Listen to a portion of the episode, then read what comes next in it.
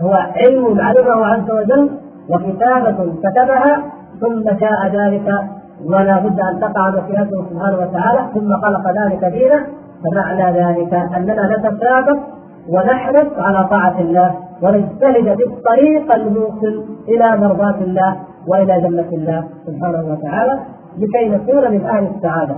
فإن أهل السعادة ييسرون لها كما أن أهل الشقاوه ييسرون لها اجارنا الله وإياكم وعاذنا من الشقاوة وأهلها. القدرية ما الذي انكروا؟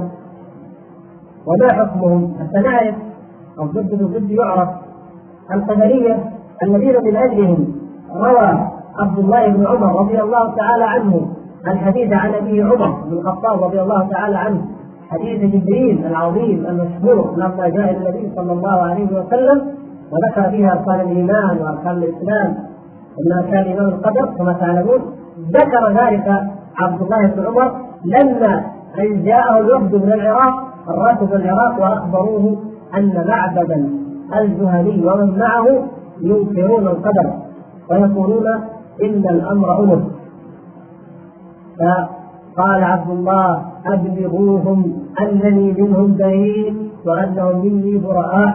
والله لو أنفق أحدهم مثل أحد ذهبا ما تقبل منه إلا أن يؤمن بالقدر ونقل مثل ذلك عن عبد الله بن عباس رضي الله تعالى عنه بل قال أي لو وكلت من أحد منهم لنقصت عنقه. هذا أول شرك يقع في هذه الأمة. أول ما يقع من نقض وعرى التوحيد وكان ذلك أول ما وقع في مسألة الإيمان بالغيب هو إنكار الإيمان بالقدر. وقالوا الأمر مستأنف والعبد هو الذي يخلق ما يخلق من طاعة أو معصية هو الذي يخلقها فماذا هو مذهب أهل السنة والجماعة الذي تدل عليه بالطبع الآيات والأحاديث؟ مذهب أهل السنة والجماعة الحق أن كل عمل من اعمالنا نحن بني آدم طاعات أو معاصي فنحن نعمله. نحن نعمله. نحن نفعله. والله سبحانه وتعالى نسب لنا العمل ووصفنا به. فمن يعمل مثقال ذرة خيرا يرى ومن يعمل مثقال ذرة شرا يرى وفي القرآن كثير تعملون تفعلون. وكذلك تقيمون الصلاة ولا يقيمون الصلاة يؤتون الزكاة. كل الطاعات وكذلك المحرمات مثلا يشركون يزنون وما أشبه ذلك. ورد في القرآن وردت جميع الأفعال منسوبة إلى من؟ إلى الإنسان. إذا الإنسان فاعل. طيب والله سبحانه وتعالى خالق. الله تعالى خالق. خلق الإنسان وخلق عمله. ولكن العبد هو الذي فعل ذلك القدرية الذين أنكروا القدر قالوا لا إن الإنسان هو الخالق. الذي يخلق فعل نفسه. تعالى الله عما يقولون علوا كبيرا. قالوا لو قلنا إن الله هو الخالق فكيف يخلق الفعل في الإنسان ثم يجازيه عنه لاحظتم الشبهة التي أثيرت فيقول لهم أهل السنة والجماعة الله سبحانه وتعالى خلق الفعل ولكن العبد هو الذي فعله. والله سبحانه وتعالى شاء ذلك. نعم شاء الله سبحانه وتعالى أن يعصيه من عصى وأن يكفر به من كفر وأن يشرك به من أشرك ولكن هل رضيه الله سبحانه وتعالى؟ لا هل كل ما خلقه الله سبحانه وتعالى وكل ما شاء رضيه؟ لا اذا لابد أن نسلط الضوء على هذه القضية حتى نعرف لماذا وقع اللبس عند المشركين ولماذا وقع اللبس حتى عند كثير من الناس في مسألة القضاء والقدر. يظن الناس أو الذين لديهم شبهات في هذا الموضوع أن ما شاءه الله عز وجل فقد رضيه كل ما شاءه وكل ما قدره فقد رضيه وهذا لا يصح لا على مقتضى القرآن ولا السنة ولا مذهب السنة والجماعة. لماذا؟ لأن الله سبحانه وتعالى شاء الإيمان وشاء الكفر شاء الطاعة وشاء المعصية. هذه مشيئة كونية وإرادة كونية. أراد الله سبحانه وتعالى بمقتضى الحكمة العظيمة الجليلة أن يكون في الناس مؤمن وكافر. هو الذي خلقكم. فمنكم مؤمن ومنكم كافر. ولو شاء الله لجعل الناس أمة واحدة. ولكن حكمته عز وجل أن يجعلهم فريقين. هذه مشيئته الكونية وإرادته الكونية. ولكن رضاه لا يتعلق بهذه المشيئة رضاه عز وجل يتعلق بمشيئته الشرعية بإرادته الشرعية. أرسل الله سبحانه وتعالى الرسل وأنزل الكتب لتبين للناس ماذا يرضي الله ماذا يحبه الله عز وجل وما الذي يبغضه الله. وما الذي يسقط الله وما الذي لا يريده الله عز وجل. ولهذا لو سالت أحد واحد ما صلى أو فجر كذب بدا سرق فقال واحد من الناس هل أراد الله عز وجل أن يفعل الرجل هذا الفعل؟ ان قلت نعم أراد الله. هكذا باطلاق أخطأت. ان قلت لا لم يرد الله اخطات كيف هذا؟ لابد أن نفصل. ماذا تريد بأراد؟ إن كنت تقصد بأراد أي أن الله شاء ذلك وعلمه وكتبه وقدره عليه.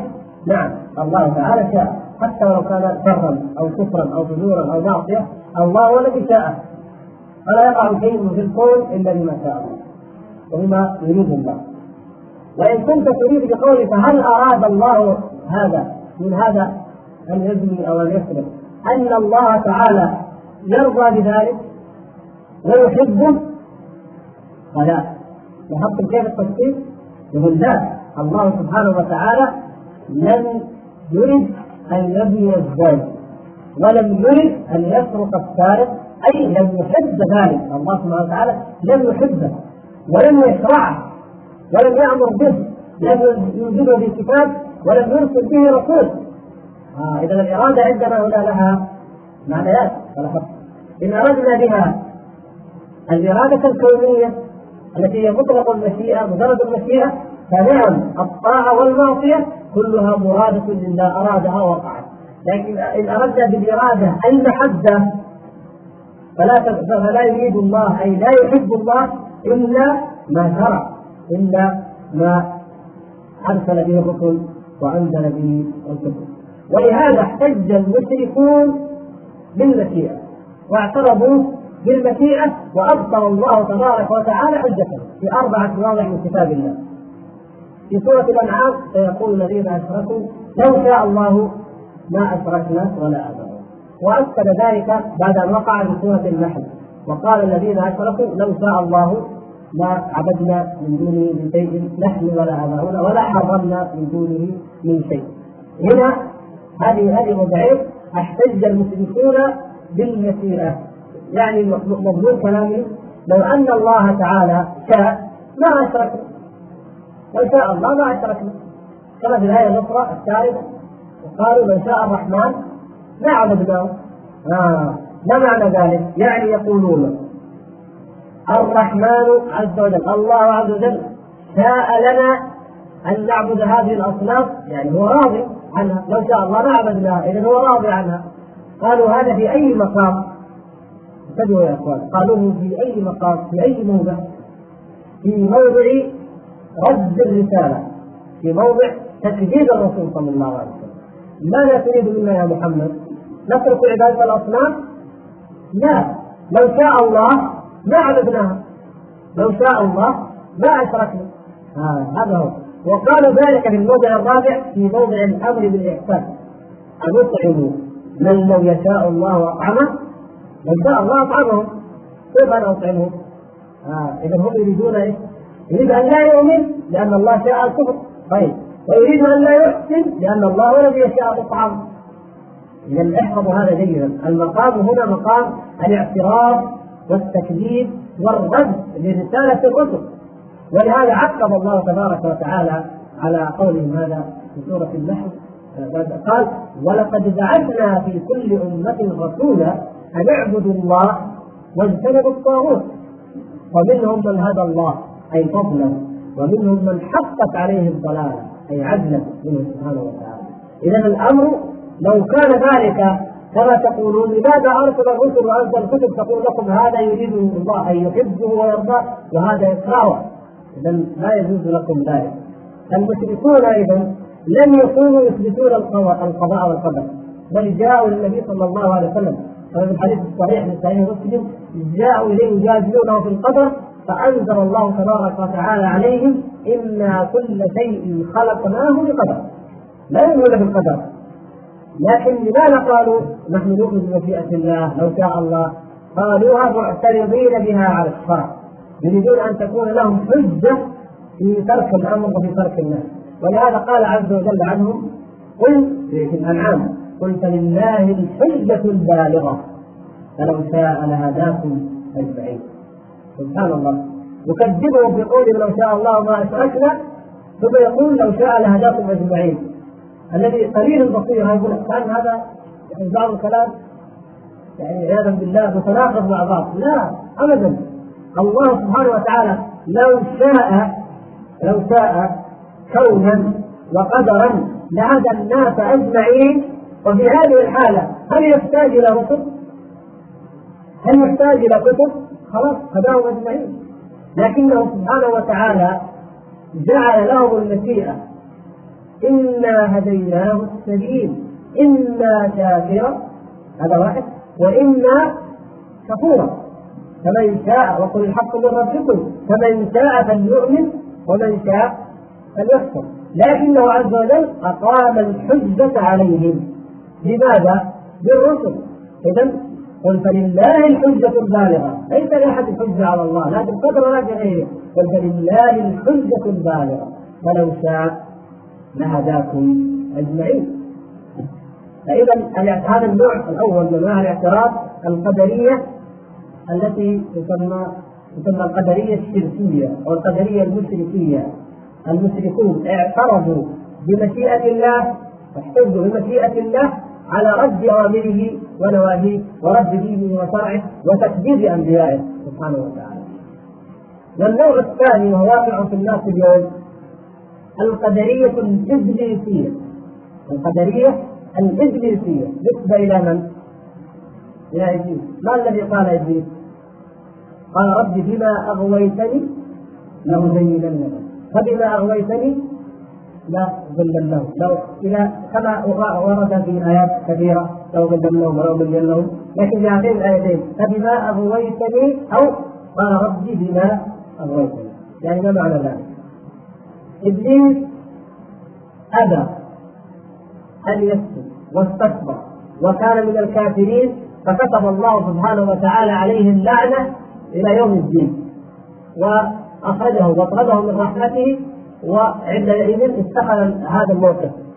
إبليس اتخذ هذا الموقف من من آدم وذريته. العداوة والإغواء والإضلال والإغراء إلى أن تقوم الساعة. قال يريد أن يحتج إبليس على فعل هذا. ما قال؟ فبعصياني بكفري بإلحادي باستكباري تأذيهم قال فبما أغويتني.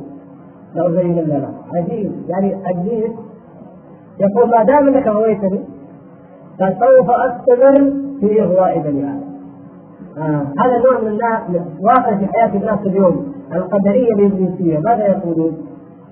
يقول يقول نصلي يا أخي ما أراد الله ما كتب الله ان يصلي أو بعدين يستمر في عدم الصلاة. ثم قال الله شاء صليت لكن ما دام ما كتب الله ما راح يصلي. اذا هو يستمر في الرواية ويستمر في المعصية ويقول ان الله لا شاء. لأن من الذي عصى؟ هو لو شاء هذا الإنسان لو شاء قام من فوره وتوضأ وصلى. لكن الشيطان ألقى الشبهه الإبليسية هذه في أتباعه. من شياطين الإنس ومن المتبعين له الذين وقعوا في حبائلهم. فاصبحوا يحتجون بهذه الصفة. ما دام الله اغواني عياذا بالله يقول ما دام اغواني ما دام ما هداني يستمر فهذا هذه شبهه ابليس ما دمت قد اغويتني فسوف استمر في إغواء الناس إذا لاحظتم الشبهة المشركية أو الشبهة الشركية والشبهة الإبليسية كيف أنها واقعة في الناس اليوم؟ وكذلك القدرية المجوسية الشبهة المجوسية في القدر هي شبهة الذين قالوا كيف يخلق الله عز وجل الخلق؟ كيف يخلق الأفعال في الانسان ثم يحاسبه ثم يجازيه عليها؟ لا اذا ننكر ما سبق ونقول الأمر عنف والإنسان هو يخلق فعل نفسه. وهذه كذبهم الله سبحانه وتعالى فيها في قوله الله خالق كل شيء والله خلقكم وما تعملون الله سبحانه وتعالى هو الذي خلقهم. ولهذا لما السلف الصالح أرادوا أن يناظروهم ويعرفوا حكم هؤلاء القدرية من النوع المجوس القدرية المجوسية. لأن المجوسيه يثبتون خالقين. خالق الإله النور خالق الخير. وإله الظلمة خالق للشر. هؤلاء قالوا الطاعات من فعل من خلق العبد. واما الطاعات من خلق الله واما المعاصي افعال العبد المعاصي فهي من خلق العبد حتى لا ننسبها إلى الله سبحانه وتعالى. ماذا قال فيهم السلف ومنهم الإمام أحمد رحمه الله انظروا علم الصحابة يا إخوان وعلم السلف علم كلمات قليلة تحتها علم كثير غفير كيف نظروهم؟ كيف جادلوهم؟ بكتابة أربع مجلدات خمس مجلدات فلسفات طويلة في القدر لا على نفس منهج النبي صلى الله عليه وسلم. جواب شاف كاف في أوجز الكلمات قال الإمام أحمد رحمه الله وغيره من السلف ناظر القدرية ناظر القدرية بالعلم. بالعلم. فإذا قروا به حكموا. وإن أنكروه كفروا. يعني ناظروهم بالعلم ما معنى خلوكم متعلمين عندكم علم عشان ناظروهم بالعلم اللي هو المرتبة الأولى مما تحدثنا عنه المرتبة الأولى. يعني واحد يقول لك الله قدر علي هذا الفعل اني ما أصلي أو اني ابني أيوه اذا ما دام قدر علي خلاص. اذا أنا أقول ما قدر. ما نرجع هذا الموضوع. الموضوع هذا ممكن نجادل فيه لكن حتى نرتاح في النقاش معه نبدا بأول شيء. تعال ماذا تقول بالعلم؟ علم الله عز وجل أنك تفعل هذا ولا لا؟ فإذا قروا به خصموا تقطعه. تقول طيب علم نعم. طيب كتبه أيوه نعم كتبه لأنه إذا قال علم إيش المعنى؟ علم كتبه إيش الفرق؟ طيب. علمه وكتبه شاءه يقول لك أيوه. إيش المعنى؟ علمه كتبه شاءه. طيب. خلقه. ها يقول لك لا يقول لا خلاص أنت الآن ملزم أنت مفطوم أنت محزون. لأنه علمه وكتبه وشاءه وخلقه. إيش المعنى؟ ليش سبب ثلاث مراتب؟ تجي عند الرابعه تتردد؟ لا يمكن. اذا إذا أقروا بالعلم خصموا طيب وإن أنكروه لا ما علم عياذا بالله. ما علم الله أن أنه يفعل كذا هذا كفر. أن أنكروه كفروا. ما يحتاج تتناقش معاه في الفروع كون الله عز وجل يعلم كل شيء. هذه حقيقة بديهية يعلمها جميع المؤمنين. بل حتى من الأمم الكافرة يعلمون أن الله يعلم كل شيء. كل من يقر بوجود الله يعلم أنه يعلم بكل شيء. واحد يقول لك لا ما يعلم الله بكل شيء. ما علم بأفعاله هذا كيف؟ هذا على طول.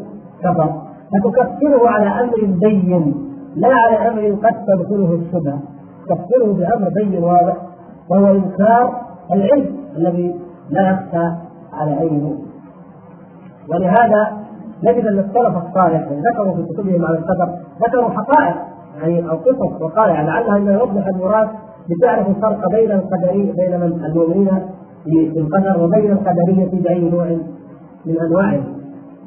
ذكروا أن رجلا جاء إلى عمرو بن عبيد. عمرو بن عبيد هذا زعيم القدرية المعتزلة الأولين. وهو الذي أظهر مقالة معبد الجهني لأنه كما تعلمون أول من أظهر القدر معبد الجهني في البصرة وغيلان الدمشقي الذي كان في المدينة وانتقل إلى دمشق. تلقفها عمرو بن عبيد. فعمرو بن عبيد كان من النوع الذي يؤمن بأن الله سبحانه وتعالى لم يرد الشر وما عنده إرادة؟ إلا إرادة واحدة. لو زي قلنا الإرادة إن كانت بمعنى المشيئة المطلقة لا حكم. وإن كانت بمعنى المحبة لا حكم. لا عنده إرادة واحدة. وكان العباد الزهاد جدا. فجاءه أعرابي بدوي لا يدري شيء من الدين قالوا قال دلوني على رجل صالح. يريد رجل صالح ما لك يا أعرابي؟ قال ضاعت مني ناقتي. هربت ناقة الأعراب البدوي هذا وجاء يريد رجل صالح يدعو الله. له فدلوه على عمرو بن عبيد. هذا رجل زاهد وعابد يدعو الله. له فقال له ما لك؟ قال يا عمرو إن ناقتي قد سرقت أو قد ضاعت فقدت ولا أدري ما الذي أخذها. فقال عمرو بن عبيد ادعو لي ادعو الله لي. قال عمرو بن عبيد اللهم إنك لم تهب أن تسرق ناقته فرددها عليه. يريد ان ينزه الله. هذا يعني عندهم تنزيه لله. اللهم إنك لم تهب أن تسرق ناقته فردها عليه. المعتزلة الذين حول عمرو حول بعض الناس لا لم يحصل لكن الأعراب بذكاء الأعراب وبفطرتهم رأسا قال لا حاجة لي في دعائك إذا هذا حديث ليش؟ الناس تعرف ليش؟ قال ما دام أنه قد أراد أن لا تصرف فسرقت أخشى أن يريد أن ترجع فلا ترجع نفس الشيء. لأن الإرادة عند عمرو بن عبيد. إرادة واحدة بس. فقال ما في فرق؟ يعني ما أراد أن لا تصرف سرقت طيب يريد أن ترجع ما ترجع. ما في فرق. ولهذا يقال ان إن مجوسيا وقدريا أيضا مرتبات طويلة وأخذ هذا يعني تجاذبات القدر وقال إن قال القدري قال هل الشيطان لما فعل وعصى؟ هل هو هل فعل ذلك بقدر من الله؟ قال القدري لا. قال اذا أغلبه عياذا بالله. هذا مقتضى ذلك. فقال له إذا لما لا تسلم؟ قال لا أنا مع أقواهما. قال المجوسي أنا مع أقواهما. يعني على كلامك أنت ما أراد الله أن الشيطان يكفر وكفر. خلينا مع الزوج إذا انظروا كيف يا يحدث هذا هذه الشبهات يحدث طعنا في الدين وسنة في الدين يفضي بذلك إلى القول إلى الطرف الآخر. يفضي هذا الكلام انكار القدر يفضي إلى الطرف الآخر. كل من الطرفين يفضي إلى الآخر مدة الفعل. ما هو الطرف الآخر؟ أن يقال إن الله عز وجل هو فاعل كل شيء. كما قال في ذلك الجهمية ومن احتفاهم كالكسب عند الأشعرية. والكسب أصلا كان عند النظام عند المعتزلة ثم أخذه منهم الأشعرية ومن بعدهم. يقولون لا يعني عندنا المعتزلة والشيعة قدرية ينكرون القدر. وعندنا الجهمية والأشعرية والماتريديه هؤلاء جبريه كيف يعني؟ يقولون الله هو الفاعل. الله لا يقول الله هو الخالق يقول الله عز وجل عز وجل هو الفاعل. وتبعهم على ذلك غلاة الصوفية. يقولون أي فعل يقع يجب عليك أن تعتقد أن الله هو الفاعل؟ تعالى الله عن ذلك علوا الناس يفعلون الزنا يفعلون شرب الخمر يفعلون محرمات كثيرة. نقول أن الله هو الفاعل؟ لا. ولكن الله شاء ذلك؟ نعم. أراده كونا؟ نعم. لكنه لم يحبه ولا يحبه شرعا. خلقه فيه؟ نعم. لكن هو ليس هو الفاعل له. وإنما الله خالق والعبد الفاعل تبقى الشبهة الأخيرة. يوجد لما الوقت ضيق إذا لما نقول كيف يجازيهم الله سبحانه وتعالى. نقول هل يجازي الله سبحانه وتعالى العباد على ما يعلم؟ على مجرد ما يعلم. هل يبعثه يوم القيامة فيقول أنا أعلم أنك ستفعل المعاصي فاجازيك عليها؟